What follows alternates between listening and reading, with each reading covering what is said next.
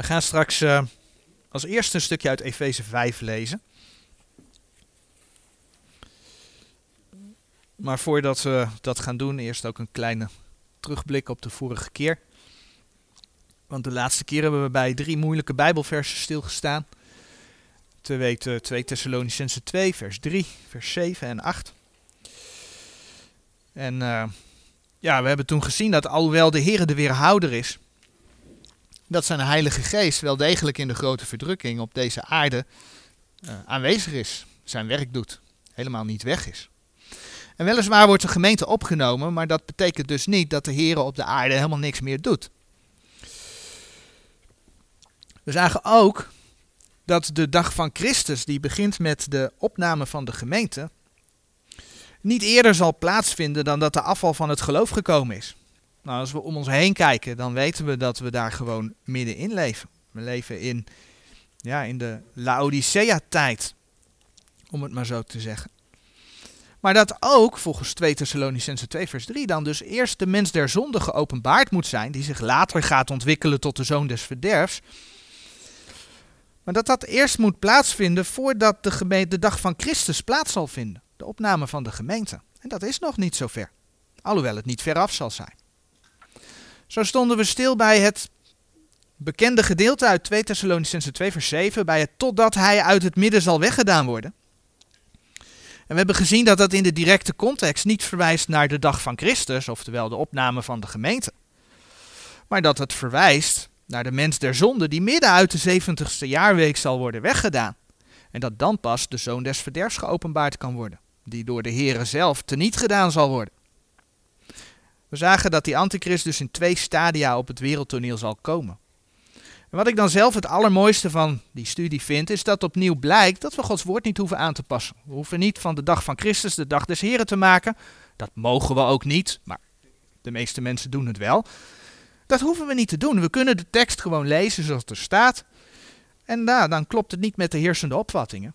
Maar Gods woord in de context is gewoon juist. En dat is mooi om te zien, want de Heer heeft zijn woord voor ons bewaard. Vandaag willen we bij een heel ander onderwerp stilstaan en jullie hebben de titel al gezien, de bruidegom en de bruid. En we willen dan beginnen bij de Heer Jezus en zijn gemeente. Maar waarschijnlijk in toekomstige studies als een soort serie ook verder kijken naar de bruidegom, die staat voor de man, de bruid, die staat voor de vrouw. Dus dan hebben we het over man-vrouw binnen het huwelijk. We hebben het over een jonge meisje, we hebben het over een gezin. Een gezin in deze dagen, de eindtijd. Allemaal onderwerpen die daarmee samenhangen. Nou, de vorige keer heb ik het al even genoemd dat je steeds vaker hoort dat men aangeeft dat de gemeente een hij is. Of het nu aan de hand van Openbaring 12 vers 5 is of van 2 Thessalonicense 2 vers 7 waarin beide situaties over een hij gesproken wordt die weggedaan wordt of weggerukt wordt. Je hoort steeds vaker dat men dan zegt, dat is dus de opname van de gemeente. Want ja, er wordt over een wegrukking gesproken, dus het zal wel over de gemeente gaan. Maar de gemeente is ten ene geen hij. En ik heb toen onder andere als bewijs ook Efeze 5 genoemd, maar niet gelezen. En laten we dat gedeelte, Efeze 5 vanaf vers 22, vanmorgen lezen. Efeze 5 vanaf vers 22. Gij vrouwen, weest uw eigen mannen onderdanig gelijk de Heere. Want de man is het hoofd der vrouw, gelijk ook Christus het hoofd der gemeente is. En hij is de behouder des lichaams. Daarom gelijk de gemeente Christus onderdanig is, alzo ook de vrouwen haar eigen mannen in alles. Gij mannen, hebt uw eigen vrouwen lief, gelijk ook Christus de gemeente lief gehad heeft en zichzelf voor haar heeft overgegeven, opdat hij haar heilige zou, haar gereinigd hebbende met het bad des waters door het woord, opdat hij haar zichzelf zou heerlijk voorstellen, een gemeente die geen vlek of rimpel heeft of iets dergelijks, maar dat zij zou heilig zijn en onberispelijk. Alzo zijn dan de mannen schuldig, hun eigen vrouwen lief te hebben, gelijk hun eigen lichamen. Die zijn eigen vrouw lief heeft, die heeft zichzelf lief. Want niemand heeft ooit zijn eigen vlees gehaat, maar hij voedt het en onderhoudt het. Gelijkerwijs ook de Heere, de gemeente. Want wij zijn leden zijns lichaams, leden van zijn lichaam, van zijn vlees en van zijn benen. Daarom zal een mens zijn vader en moeder verlaten en zijn vrouw aanhangen en zij twee, en zij twee zullen tot één vlees wezen. Deze verborgenheid is groot. Doch ik zeg dit ziende op Christus en op de gemeente. Zo dan ook gij lieden, elk in het bijzonder, en iegelijk hebben zijn eigen vrouw al zo lief als zichzelf, en de vrouw zie dat zij de man vrezen. In dit gedeelte zien we heel duidelijk dat de Heer het hoofd van de gemeente is. En hij wordt dan in Efeze 5, vers 23 de behouder des lichaams, de behouder van het lichaam genoemd. En mocht, je het dan daar nog niet, mocht het daar nog niet helemaal duidelijk zijn dat de gemeente het lichaam is, nou dan hebben we ook vers 29 en 30 gelezen, waar staat, want niemand heeft ooit zijn eigen vlees gehaat, maar hij voedt het en onderhoudt het, gelijkerwijs ook de Heere de gemeente. Want wij zijn leden zijns lichaams, van zijn vlees en van zijn benen. De gemeente is dus zijn lichaam. En daar waar de Heer het hoofd is, en waar hij de vergelijking met de, met de man maakt als hoofd, daar vergelijkt de Heer de zorg van de man voor zijn vrouw met de zorg die hij heeft voor zijn gemeente. Met andere woorden, de gemeente is een vrouw. En daar waar men de gemeente dus een hij gaat noemen, daar zie je in feite in de theologie, in de Bijbel uitleg, dat men niet meer onderscheid ziet tussen de Heer en zijn gemeente. Ik noemde het de vorige keer al even zo. Eigenlijk is dat een soort feminisme binnen de Bijbeluitleg. Maar men is verblind geworden. Doordat men gewend heeft, ja, een tekst kan ook wel eens zus gelezen worden. En ja, dit staat er wel, maar moet je anders uitleggen. Dus er staat wel hij, maar God bedoelde, het is de gemeente. Nee, er staat een hij, dus het is niet de gemeente. Gewoon lezen wat er staat. Worden dan ook opgeroepen om Gods woord te bewaren. 1 Johannes 2, vers 5 spreekt daarover. En uh, ja, op diverse plekken kom je dan toch de teksten tegen dat we niet moeten toevoegen aan Gods woord. Deuteronomium 4, vers 2, Spreuken 30, vers 6, Openbaring 22, vers 18 en 19. De Heere laat dus zien dat Hij het hoofd is, de man. En dat wij het lichaam zijn, de vrouw. Zo spreekt Efeze 1, vers 19 over de werking van de sterkte van zijn macht. Efeze 1, vers 19 is dat. En dan zeggen de versen 20 en 22 over die macht het volgende.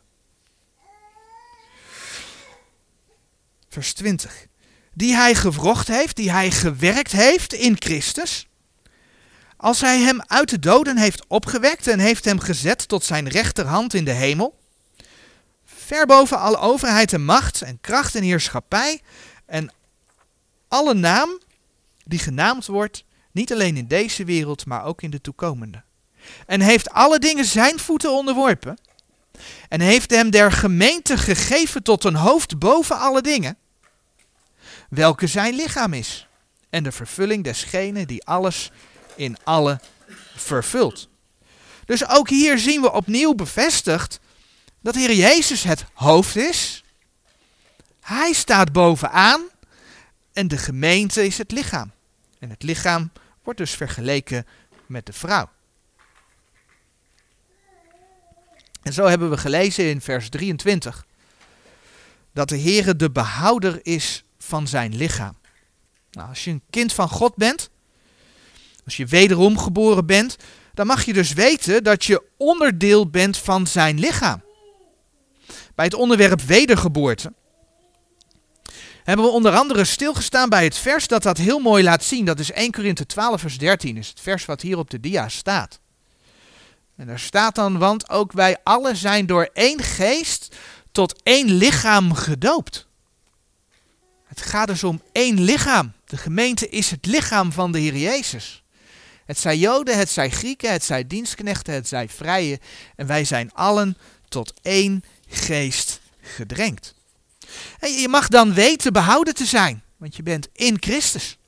In Efeze 5, vers 25. Zegt dan ook zo mooi. Gelijk ook Christus de gemeente lief gehad heeft en zichzelf voor haar heeft overgegeven. De Heer Jezus is voor onze zonde gestorven, zodat wij deel aan zijn lichaam konden hebben. Kijk ook maar in Efeze 5, vers 2. Maar de Heer zelf zorgt dus ook voor zijn lichaam, voor zijn gemeente. Het is niet voor niets dat hij tegen de discipelen zei, in de tekst komt hier op de, op de dia, Matthäus 27, vers 20. En zie, ik ben met u lieden al de dagen tot de voleinding der wereld. En ja, dan komen we soms dingen tegen in ons leven die niet makkelijk zijn. Er komen moeilijke dingen tegen. Maar de Heere wil die dingen gebruiken om ons te louteren. Om ons dichter bij Hem te brengen. En dan lezen we in Efeze 5, vers 26. Opdat Hij haar, dat is die gemeente, opdat Hij haar heilige zou, haar gereinigd hebbende met het bad des waters door het woord. En Hij gebruikt voor dat reinigen, voor dat louteren, gebruikt Hij dus zijn woord. Nee, dat betekent niet dat we op deze aarde volmaakt worden. Maar we mogen wel dichter naar Hem toe groeien. Dichter bij Hem komen. Leren. Efeze 5, vers 27 zegt dan. Opdat hij haar zichzelf zou heerlijk voorstellen, een gemeente die geen vlek of rimpel heeft of iets dergelijks, maar dat zij zou heilig zijn en onberispelijk. En dat we het niet halen om hier op aarde reeds helemaal heilig en onberispelijk te zijn, blijkt uit het feit dat wij nog moeten verschijnen voor de rechterstoel van Christus. 2 Korinthe 5 vers 10. En dan zegt de Bijbel toch echt dat wij daar moeten wegdragen hetgeen goed is geweest, maar ook hetgeen kwaad is geweest. Als we het goede wegdragen, dat vergaat niet door het vuur, dan heeft de Bijbel het over goud, zilver, kostbare stenen als, als, als onze werken. Dat blijft bestaan, dan krijgen we loon. Maar op het moment dat het hout, hooi en stoppels is, dan verbrandt dat voor de rechterstoel van Christus. 1 Korinthe 3, vers 14 en 15. En dan staat er in de Bijbel, dan zullen we schade lijden. Dus ja, we zijn behouden, maar we zullen niet volmaakt zijn. We, kunnen nog, we, zullen nog voor die rechterstoel van Christus verschijnen. Maar het blijkt dus dat de Heer ons wil vormen. Hij wil ons wassen door zijn woord. Om dat loon wel te kunnen bereiken. En die zorg van de Heer gaat zo ver dat we in 1 Thessalonicense 1 lezen dat hij ons thuis haalt voordat zijn toren over de aarde zal gaan. 1 Thessalonicense 1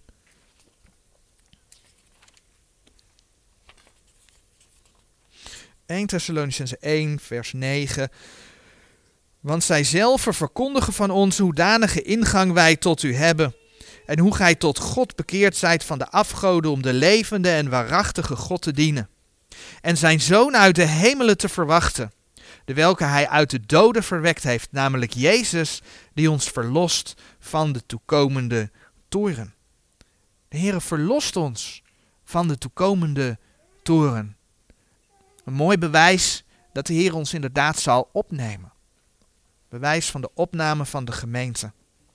Maar zo is de Heere dus. We zijn gered. Hij wast ons door het woord. We mogen groeien.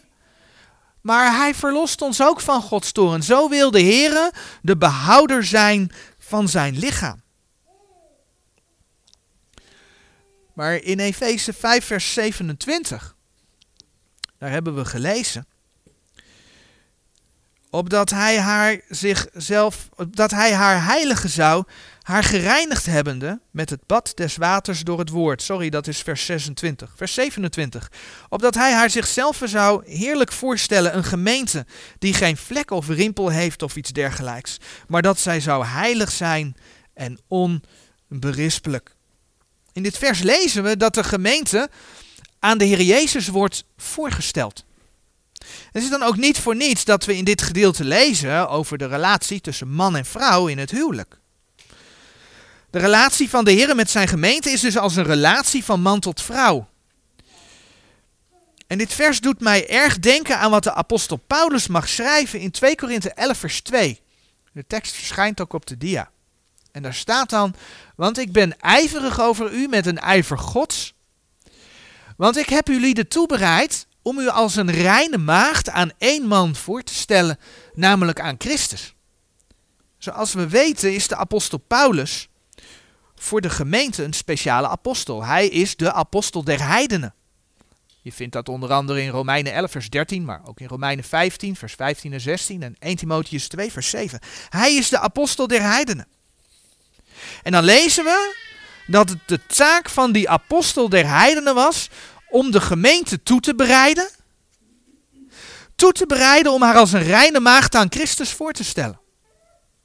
daar waar we in Efeze 5, vers 27 lezen dat de Heere een gemeente wil die geen vlek of rimpel heeft of iets dergelijks, maar dat zij zou heilig zijn en onberispelijk. Daar lezen we in 2 Korinthe 11 vers 2 dat de apostel Paulus die gemeente daar mag toe, daartoe mag toebereiden. En de Heere doet dat door zijn woord. En dat klopt helemaal met de schrift. Want wie kreeg van de Heere de boodschap voor de gemeente geopenbaard? Dat was de apostel Paulus. Als je dat wil opzoeken, dat kun je heel mooi lezen in Gelaten 1, vers 6 tot met 12. Dus de Heere gebruikt de apostel Paulus door hem zijn woord te openbaren, zijn woord aan de gemeente te geven, om de gemeente toe te bereiden als een reine maagd. En haar daardoor voor te kunnen stellen aan Christus. En waarom worden we als een reine maagd aan de Heer Jezus voorgesteld? Juist omdat er in de toekomst een bruiloft des lams zal zijn. En laten we daarvan uh, gaan lezen in Openbaring 19.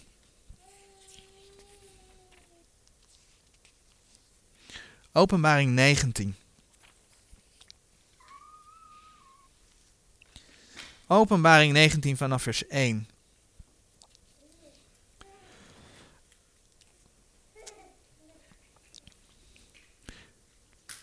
En na deze hoorde ik als een grote stem eener grote schare in de hemel, zeggende Halleluja. De zaligheid en de heerlijkheid en de eer en de kracht, zij de Heere onze God. Want zijn oordelen zijn waarachtig en rechtvaardig, terwijl hij de grote hoer geoordeeld heeft, die de aarde verdorven heeft met haar hoerij. En hij het bloed zijner dienaren van haar hand gewroken heeft. Zij zeiden ten tweede male Halleluja. En haar rook gaat op in alle eeuwigheid. En de 24 ouderlingen en de vier dieren vielen neder en aanbaden God, die op de troon zat, zeggende Amen, Halleluja. En een stem kwam uit de troon, zeggende Looft onze God, gij al zijn dienstknechten, en gij die hem vreest, beide klein en groot. En ik hoorde als een stem ener scharen, en als een stem veler wateren en als een stem van sterke donderslagen zeggende Halleluja, want de Heere de Almachtige God heeft als koning geheerst. Laat ons blijde zijn en vreugde bedrijven en hem de heerlijkheid geven, want de bruiloft des lams is gekomen en zijn vrouw heeft zichzelf bereid. En er is gegeven dat zij bekleed worden met rein en blinkend fijn lijnwaad, want dit fijn lijnwaad zijn de rechtvaardigmakingen der heiligen. En hij zeide tot mij, schrijf, zalig zijn zij die geroepen zijn tot het avondmaal van de bruiloft des lams. En hij zeide tot mij, deze zijn de waarachtige woorden Gods. En dan zijn er natuurlijk allemaal mensen die zeggen, ja maar dat moet je geestelijk zien. En dan zegt de Heer, deze zijn de waarachtige woorden Gods. Ze zijn waar. Het gaat gewoon plaatsvinden. Hierop gebaseerd is dan helemaal duidelijk dat we niet voor niets in de brieven tegenkomen dat we als een reine maagd aan de Heer Jezus voorgesteld worden. En daarom wordt de gemeente ook wel de bruid genoemd. Alhoewel we strikt genomen nu nog de maagd zijn als gemeente die rein probeert te blijven. Als we opgenomen worden voor de rechterstoel van Christus verschijnen, want dat zal pas daarna zijn, dan is er sprake van de reine maagd die als een bruid met haar bruidegom zal huwen. Om de vrouw des lams te worden. In openbaring 19 vers 7 hebben we gelezen. Laat ons blijde zijn en vreugde bedrijven. En hem de heerlijkheid geven, want de bruiloft des lams is gekomen. En zijn vrouw heeft zichzelf bereid. Maar dan hoor je mensen zeggen, wel eens zeggen, en dat klopt niet. Want Israël is de bruid. Of, nee hoor, Het nieuwe Jeruzalem met de twaalf fundamenten, met daarop de namen van de twaalf apostelen, dat staat namelijk in Openbaring 21 vers 14. En dat nieuwe Jeruzalem heeft ook twaalf poorten, met daarop de namen van de twaalf stammen Israëls, dat staat in Openbaring 21 vers 12, gaan we straks nog lezen. Dat is de bruid. Oftewel, is niet de bruid zowel Israël als de gemeente? En dan is het heel goed om onderscheid te maken. We moeten het woord, hè, 2 Timotheus 2 vers 15, immers recht snijden, recht verdelen. Nou, dan gaan we naar Ezekiel toe en dan gaan we kijken wat de Heer over Israël zegt. Ezekiel 16.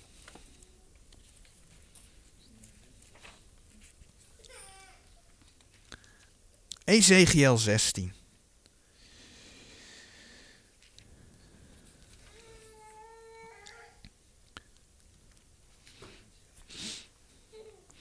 Jezaja, Jeremia, klaagliederen, Ezekiel. En dan lezen we in uh, Ezekiel 16, vers 4 het volgende. En dan is het goed om te zeggen dat er in vers 3 over Jeruzalem gesproken wordt. Dan lezen we in vers 4. En aangaande uw geboorte, ten dagen als gij geboren waart, werd uw navel niet afgesneden. En gij waart niet met water gewassen, toen ik u aanschouwde. Gij waart ook geenszins met zout gewreven, noch in windelen gewonden. En dan gaan we even verder naar vers 8. En dan lezen we dan.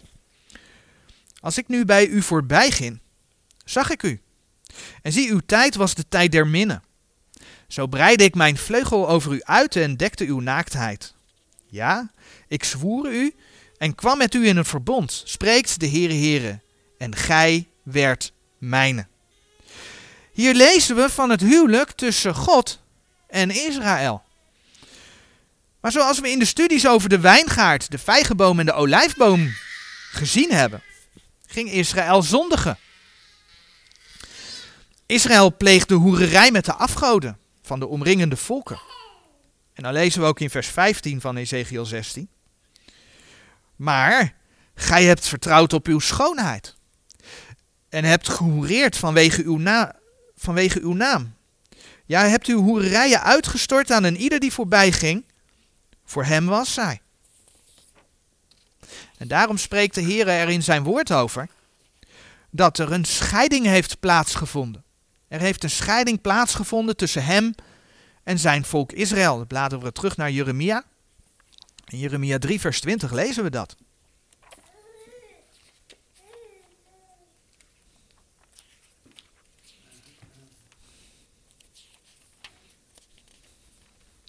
Jeremia 3, vers 20. Waarlijk, gelijk een vrouw trouwelooselijk scheidt van haar vriend, alzo hebt gij lieden trouwelooselijk tegen mij gehandeld, gij huis Israëls, spreekt de Heer. En dan zegt Hosea, dan bladeren we nog door naar Hosea. We waren net bij Ezekiel, als we iets verder bladeren, dan krijgen we Daniel. En dan krijgen we de profeet Hosea. Hosea 2, vers 1.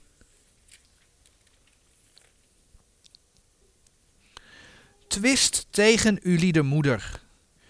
Twist omdat zij mijn vrouw niet is en ik haar man niet ben.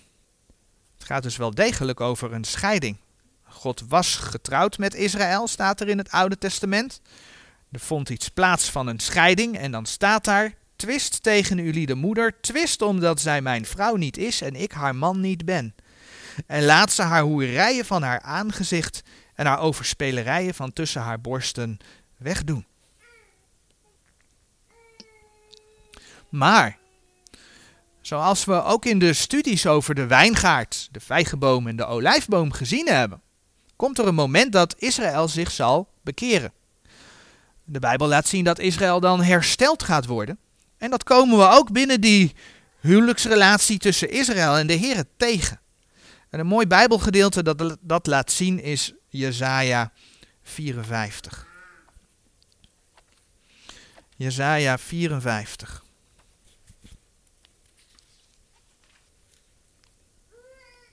Want in Jesaja 54 vanaf vers 4, daar lezen we Vrees niet, want gij zult niet beschaamd worden.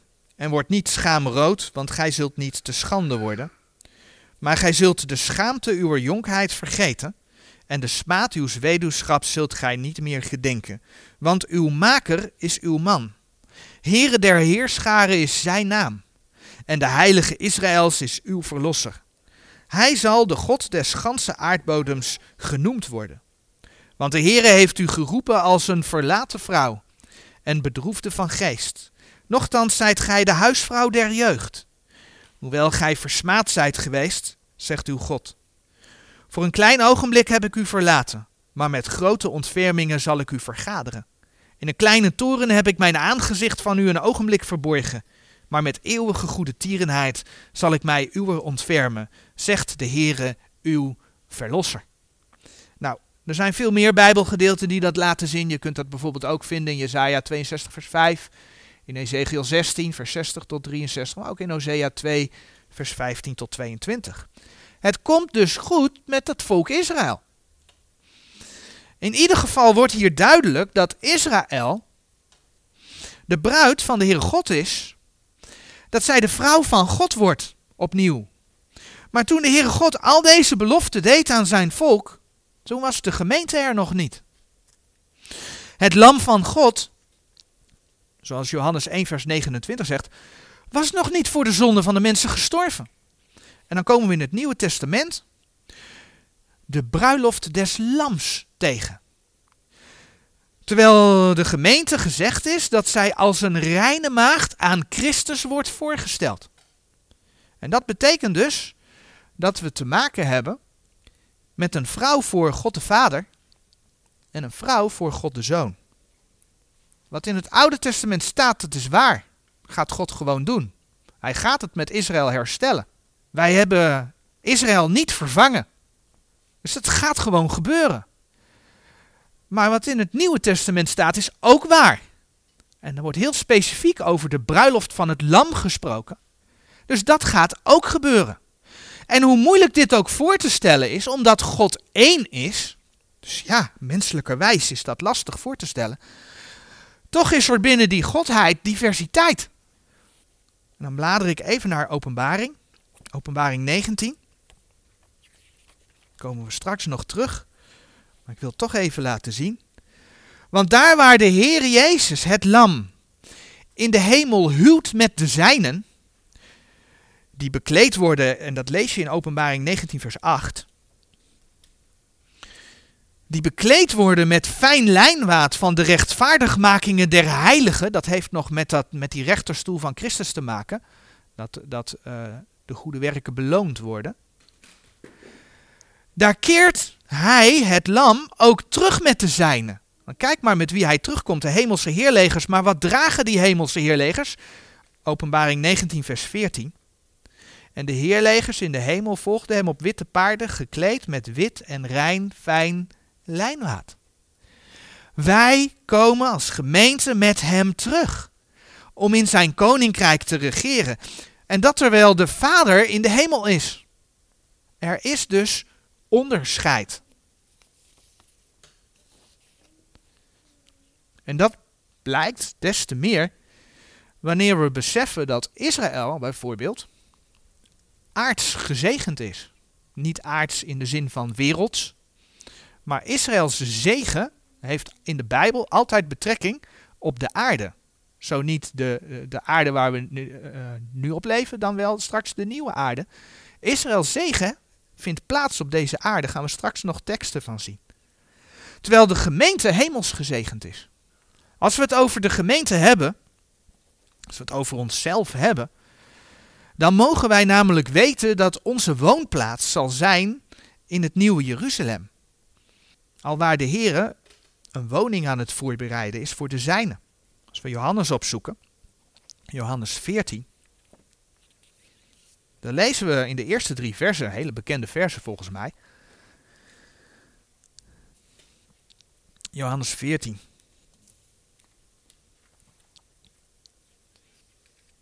Vers 1 tot en met 3. Uw hart wordt niet ontroerd.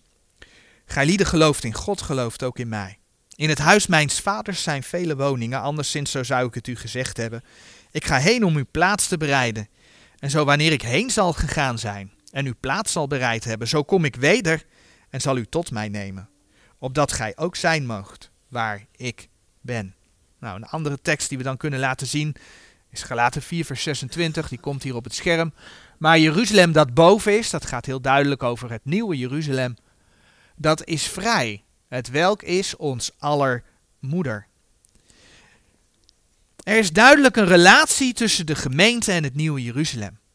In dat nieuwe Jeruzalem zullen de woningen zijn van alle wederom geboren gelovigen van deze gemeentetijd. Ons uiteindelijke huis is dat nieuwe Jeruzalem. En daarom, en dan bladeren we weer naar openbaring, daarom is dat nieuwe Jeruzalem ook een beeld van de bruid.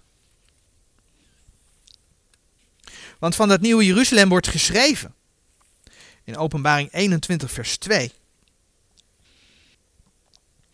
En ik, Johannes, zag de heilige stad, het nieuwe Jeruzalem, nederdalende van God uit de hemel, toebereid als een bruid die voor haar man versierd is. Zij is dus versierd als een bruid. En dan is de vraag, wie is haar man? Is dat de Heere God, de Vader? Of hebben we het hier over God de Zoon? En dan lezen we in Openbaring 21, vers 9 en 10. En tot mij kwam een van de zeven engelen die de zeven violen hadden, de zeven schalen hadden, welke waren vol geweest van de zeven laatste plagen, en sprak met mij, zeggende, kom herwaarts, ik zal u tonen de bruid, de vrouw des lams. En hij voerde mij weg in de geest op een grote en hoge berg, en hij toonde mij de grote stad, het heilige Jeruzalem, nederdalende uit de hemel van God. Er wordt hier in de eerste plaats gesproken over de bruid, de vrouw des lams. Het gaat dus over God de Zoon. Dus met wat we eerder gezien hebben, het gaat hier wel degelijk om de gemeente. Anderzijds lezen we in vers 9 en 10 niet dat daar het woordje als staat, wat we in openbaring 21 vers 2 wel lazen, hè, dat ze versierd was als een bruid. Dat lezen we hier niet. Maar dat is niet vreemd. Want de gemeente komt met het nieuwe Jeruzalem naar beneden, naar de nieuwe aarde toe. En daardoor wordt met het nieuwe Jeruzalem, wordt de gemeente, de vrouw des lams, getoond. Dus met het nieuwe Jeruzalem wordt de bruid van het lam, de vrouw des lams, getoond. Het is haar woonplaats. Nou, en het mooie is, als we dan over Israëls herstel lezen, dat we dan in Hosea 2 het volgende lezen. De gemeente heeft dus heel duidelijk een plaats in het nieuwe Jeruzalem. En dan lezen we over, Hosea, uh, over Israël in Hosea 2 vanaf vers 19 het volgende.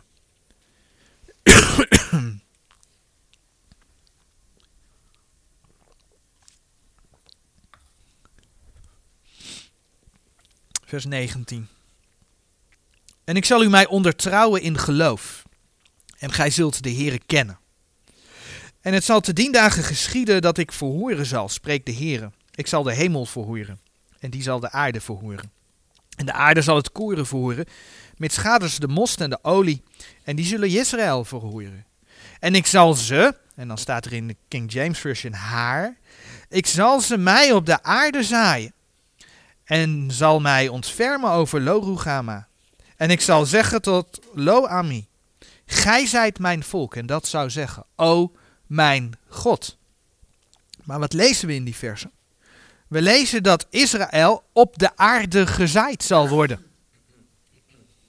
Dat is de plaats van Israël. Op de aarde. Daar waar de gemeente haar thuis heeft in het nieuwe Jeruzalem, daar wordt Israël op die aarde gezaaid. Israël is aards gezegend. En dat verschil blijkt natuurlijk uit veel meer. wanneer we de Bijbel uh, gaan lezen in de profetieën, wat spreekt over het koninkrijk Israël, dan is dat altijd een regering op aarde. Bijvoorbeeld in het duizendjarige rijk vanuit het aardse Jeruzalem. dat kun je om. Oh, één dia terug. Kun je vinden in Lucas 1, vers 32 en 33, maar ook in de profeten, bijvoorbeeld Zacharia 14, vers 9. Terwijl de Heer Jezus met de gemeente terugkomt vanuit de hemel naar de aarde. Dat is een verschil tussen Israël en de gemeente. Die gemeente is op dat moment ook, Filippenzen 3 vers 21 bijvoorbeeld, aan de Here gelijkvormig. Heeft een opstandingslichaam. En daar waar er nu tijdens de gemeentetijd Joden tot bekering komen, mensen uit Israël tot bekering komen, dan zijn zij in de eerste plaats deel van de gemeente. Want in het lichaam van de Heer Jezus, hebben we al gelezen in 1 Korinthe 12 vers 13, maar je kunt dat ook in Galaten 3 vers 27 en 28 vinden, is geen onderscheid tussen Jood en Heiden. Dus als, als, als een Jood zich bekeert, wordt hij onderdeel van de gemeente. Komt de Heer zijn gemeente halen, dan gaan die bekeerde Joden, die net zoals wij onderdeel zijn van die gemeente, samen met ons naar de Heer toe. En zullen met hem terugkomen, terwijl Israël, dat de grote verdrukking door moet, op aarde gezegend gaat worden. Na die grote verdrukking. Zijn duidelijke verschillen. Dus net voor de tweede komst vindt er in de hemel iets plaats. De tweede komst wordt beschreven in Openbaring 19, vers 11. En voorafgaand aan Openbaring 19, vers 11 hebben we vanmorgen gelezen. Openbaring 19, vers 1 tot en met 9 vindt de bruiloft van het lam plaats. Voordat de Heer terugkomt en zijn koninkrijk opricht, het duizendjarige vrederijk, vindt die bruiloft des lams plaats. En wanneer de Heer Jezus terugkomt naar de aarde, dan is hij getrouwd en wel. Dan is hij verenigd met zijn lichaam. Nu staat er van het nieuwe Jeruzalem, en dan komen we terug bij Openbaring 21. Geschreven dat zij niet alleen twaalf fundamenten heeft, waarop de namen van de twaalf apostelen staan. Dat kun je lezen in Openbaring 21, vers 14. Maar ook dat zij twaalf poorten heeft met daarop de namen van de twaalf geslachten van de kinderen Israëls. En laten we Openbaring 21, vers 12 even lezen. En had een grote hoge muur, dat gaat dus over het nieuwe Jeruzalem. En had twaalf poorten en in de poorten twaalf engelen en namen daarop geschreven, welke zijn de namen der twaalf geslachten der kinderen Israëls. Nou, dat is een reden waarom mensen bij het nieuwe Jeruzalem als bruid vaak denken aan zowel Israël als de gemeente, want de apostelen en de twaalf stammen van Israël komen daar samen, zegt men dan. Maar zoals we gezien hebben, heeft de gemeente haar thuis in het nieuwe Jeruzalem, terwijl Israël op de aarde gezaaid zal worden. Dus dat de namen van die twaalf geslachten op de poorten van het Nieuwe Jeruzalem staan, is blijkbaar geen reden dat Israël een woning zou hebben in het Nieuwe Jeruzalem. Maar waarom zouden dan de Joodse namen op de poorten van die stad staan? De Bijbel zegt daar niet hele duidelijke dingen op over.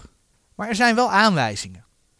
Aanwijzingen in Gods woord waarom deze Joodse namen op die poorten staan. En dan beginnen we in openbaring 22 vers 2. Dan lezen we een vers over het nieuwe Jeruzalem. In het midden van haar straat en op de ene en andere zijde der rivier was de boom des levens, voortbrengende twaalf vruchten van maand tot maand, gevende zijn vrucht, en de bladeren des booms waren tot genezing der heidenen. Gaan we ietsjes terug, openbaring 21, vers 24. Daar lezen we ook over die stad. En de volken die zalig worden, zullen in haar licht wandelen. En de koningen der aarde brengen hun, eer, hun heerlijkheid en eer in dezelfde. En dan zegt vers 26 nog. En zij zullen de heerlijkheid en de eer der volken daarin brengen. Waarin? In de stad, in het nieuwe Jeruzalem. Met andere woorden, op de nieuwe aarde zullen in eeuwigheid volken zijn. Deze volken zullen hun eer en heerlijkheid in het nieuwe Jeruzalem brengen. Ze wonen er niet, maar ze kunnen er wel inkomen. En als ze dat zullen doen, zullen ze dat dus moeten doen door een van die twaalf poorten, want je gaat de stad in door de poort, door een van die twaalf poorten met daarop de namen van de twaalf geslachten der kinderen Israëls. En laten we dan eens kijken wat de Heer in Deuteronomium 32 zegt.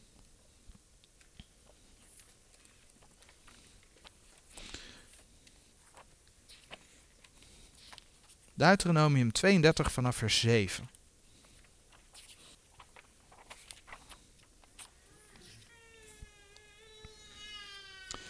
Vanaf vers 7. Gedenk aan de dagen van ouds, merk op de jaren van elk geslacht. Vraag uw vader, die zal het u bekendmaken, uw oude, en zij zullen het u zeggen. Toen de Allerhoogste de volken de erfenissen uitdeelde, toen hij Adams kinderen van een scheidde, heeft hij de landpalen, dat zijn de grenzen, heeft hij de, de landpalen der volken gesteld naar het getal der kinderen Israëls. Want des Heere deel is zijn volk, Jacob is het snoer zijner erven. Oorspronkelijk heeft de Heere de volken dus ingedeeld naar het getal van de kinderen Israëls in tegenstelling tot wat de mensen deden in de tijd van de Toren van Babel. In tegenstelling tot wat de mensen in deze dagen doen. één wereldwijde gemeenschap maken. Nee, zegt God. Ik scheid de volken van één. En dat deed hij oorspronkelijk naar het getal van de kinderen Israëls. En zij bestonden uit twaalf stammen. Nou, een ander gedeelte waar je ook vindt dat de Heere God grenzen stelt aan waar mensen wonen, is Handelingen 17, vers 24 tot en met 27. Uit het Oude Testament weten we dus dat hij dat doet naar het getal van de kinderen Israëls. En als je dan bedenkt, twaalf stammen, dat er in het Nieuwe Jeruzalem twaalf poorten zijn met daarop de namen van de stammen van Israël, dan zou dat wel eens te maken kunnen hebben, en, en je hoort hoe ik het formuleer, dan zou dat wel eens te maken kunnen hebben met het feit dat God de volken van elkaar scheidt, indeelt op basis van de stammen Israëls en die straks hun eer en heerlijkheid door een van die poorten met daarop de naam van een stam van Israël in het nieuwe Jeruzalem brengen. Hiermee vergelijk ik schrift met schrift. Ik laat zien wat de schrift zegt. Het spreekt de schrift niet tegen. Of het zo zal zijn, weten we in de toekomst. Terwijl de volken in haar licht zullen wandelen en hun eer en heerlijkheid in de stad zullen brengen, zullen wij als gelovigen van deze gemeentetijd, als leden van, zijn lichaam, van het lichaam van Christus, onze woning in die stad hebben. En dan wil ik nog kort stilstaan bij een gelijkenis die bijna eigenlijk overal betrokken wordt op de gemeente van de Heer Jezus. En dat gaat dan om de gelijkenis van de vijf wijzen en de vijf dwaze maagden. En dat vinden we in Matthäus 25, vers 1 tot en met 13. Ik ga het gedeelte niet helemaal lezen, ik haal zo wel wat versen aan. Je kunt het altijd zelf nog nalezen. Nou, allereerst betreft deze gelijkenis een gelijkenis van het koninkrijk der hemelen. Dat lees je in vers 1. Zodra een gelijkenis gaat over het koninkrijk der hemelen, kun je er eigenlijk al van uitgaan dat die gelijkenis het duizendjarig vrederijk betreft en dus helemaal geen directe betekenis voor de gemeente heeft. Eigenlijk is het daarmee afgedaan. Alleen dat is al voldoende om, om dat te laten zien. Maar we gaan wat meer bewijzen zien. Wanneer men het wel op de gemeente toepast, dan zou dat namelijk inhouden dat een deel van de gemeente achter zou blijven bij de opname van de gemeente. Want ja, vijf wijze maagden gaan wel binnen en vijf dwaze maagden blijven achter. Dat is de strekking van de, de, de, de gelijkenis. En tegen vijf dwaze maagden, daar wordt immers door de bruidegom gezegd in vers 12. En hij antwoordende zeide, voorwaar zeg ik u, ik ken u niet. Dat is wat de bruidegom zegt. En dat terwijl de vijf wijze maagden uh, in vers 10 met de bruidegom ingingen tot de bruiloft.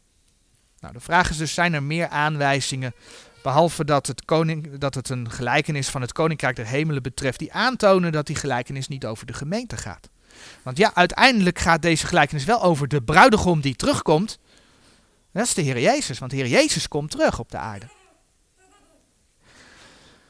Allereerst zien we dat het bij deze maagden om een vorm van werken gaat. Als je denkt aan Efeze 4, vers 30, waar staat dat de gemeente verzegeld is met de Heilige Geest, tot de dag der verlossing, daar moeten die maagden ervoor zorgen dat ze genoeg olie in een kruikje hebben. En olie is een beeld van de Heilige Geest. Want als ze niet genoeg olie hebben en het raakt op, gaan ze niet met de bruidegom mee naar de bruiloft. Dat is werken. En ja, ook wij zijn niet altijd vervuld van de Heilige Geest. Ook wij, mogen bidden, Heer, vervul ons met uw geest. Vergeef ons onze zonden. Maar het is geen. Uh, uh, uh, het draagt niet bij aan ons behoud. Want we zijn behouden. We zijn verzegeld tot de dag der verlossing. Deze maagden moeten voor voldoende olie zorgen. Kijk maar in vers 9. Is het in tegenspraak met elkaar? Nee. Nee, het laat eigenlijk alleen maar zien dat dit gedeelte niet over de gemeente kan gaan. Is niet in tegenspraak. De gemeente wordt in Gods woord ook een reine maagd genoemd. 2 Korinthe 11 vers 2 hebben we gelezen vanmorgen. Als het om de gemeente gaat, wordt er eigenlijk nooit over maagden gesproken. Dat is meervoud. En het mooie is, ook al blijkt uit Openbaring 14, vers 4 dat het daar ook gewoon echt om letterlijke maagden gaat. De 144.000 in de grote verdrukking, uh, Openbaring 14, vers 4. Daarvan wordt letterlijk gezegd dat zij maagden zijn. Dat wordt van de gemeente niet gezegd. Nog een punt. Een ander punt is dat de gemeente in een punt destijds, in een ogenblik, wordt weggenomen. Dat is niet iets wat blijkt uit die gelijkenis. Maar het mooiste bewijs, het mooiste bewijs is Matthäus 25, vers 1. Die maagden gaan niet uit om te huwen. Die maagden gaan uit om de bruidegom te ontmoeten. Dan zeg je, ja, wij gaan de Heer ook ontmoeten in de lucht. Maar die ontmoeting met de opname is niet de bruiloft des lams. En dit gedeelte gaat over een bruiloft. Hier staat dat die maagden, vers 1, ik lees hem even. Als dan zal het koninkrijk der hemelen zijn gelijk tien maagden, welke haar lampen namen en gingen uit de bruidegom tegemoet. Zij gingen de bruidegom tegemoet. Staat niet dat ze huwen. En het mooie is dat het evangelie van Lucas een gelijkluidende passage heeft. Maar net iets meer details daarover laat zien. En dat gaan we erbij pakken. In Lucas 12, vanaf vers 35. Daar lezen we iets heel moois. Waaruit onomstotelijk blijkt dat het niet om de gemeente gaat. Lucas 12 vanaf vers 35. Laat uw lendenen omgord zijn en de kaarsen brandende. hey, dat heeft te maken met wat we net over de vijf uh, wijze en dwaze maagden zagen. Laat uw lendenen omgord zijn en de kaarsen brandende. En zijt gij de mensen gelijk die op hun Heer wachten. Het gaat dus over een verwachting. En dan komt het. Wanneer hij wederkomen zal van de bruiloft. Wanneer hij wederkomen zal van de bruiloft. Opdat als hij komt en klopt, zij hem terstond mogen open doen. Ik lees vers 37 nog even. Zalig zijn die dienstknechten welke de Heer als hij komt zal wakende vinden. Voorwaar ik zeg u, dat hij zich zal omgorden en zal hen doen aanzitten en bijkomende zal hij hen dienen. We zien dus dat de zoon des mensen terugkomt als een getrouwde bruidegom. Hij komt terug van de bruiloft die in de hemel heeft plaatsgevonden. En dat de mensen die hem dan verwachten, want ook dan zijn er mensen op aarde, dat de mensen die hem dan verwachten, toegelaten worden tot het feest. Het gaat dus niet over de zoon van God die zijn gemeente komt halen. Hij komt juist gehuwd met zijn gemeente terug. Deze gelijkenis van de wijze en dwaze maagden heeft op een of andere manier betrekking op de gelovigen in de grote verdrukking. Ook dan zal er een opstanding plaatsvinden. Ook dan zullen er mensen de Heer tegemoet gaan. Dat blijkt bijvoorbeeld uit Openbaring 20, vers 4 en 5, Matthäus 24, vers 31. Daar ga ik nou niet uitgebreid op in. Maar dan zullen er dus wel mensen achterblijven. Mensen die, waarvan hun werken niet voldoende waren. Maar het gaat dus in geen enkel opzicht over de gemeente van de Heer Jezus. De gemeente van de Heer Jezus heeft wat dat betreft als bruid van de Heer, als vrouw van het lam, een hele speciale positie. En wij mogen uitzien naar een geweldig feest. Dat is, dat is onze toekomst. We mogen uitzien naar een feest. En wij, wanneer we het volbrachte werk van de Heer Jezus voor ons leven hebben aangenomen, mogen dat feest dus meemaken als onderdeel van de bruid van het lam. Want ja, we zagen al, er komen ook anderen in die feestzaal. Er zullen andere mensen uit andere bedelingen bij dat feest zijn. Maar de gemeente is de bruid van het lam. Wat een feest zal dat zijn. Tot zover voor vanmorgen.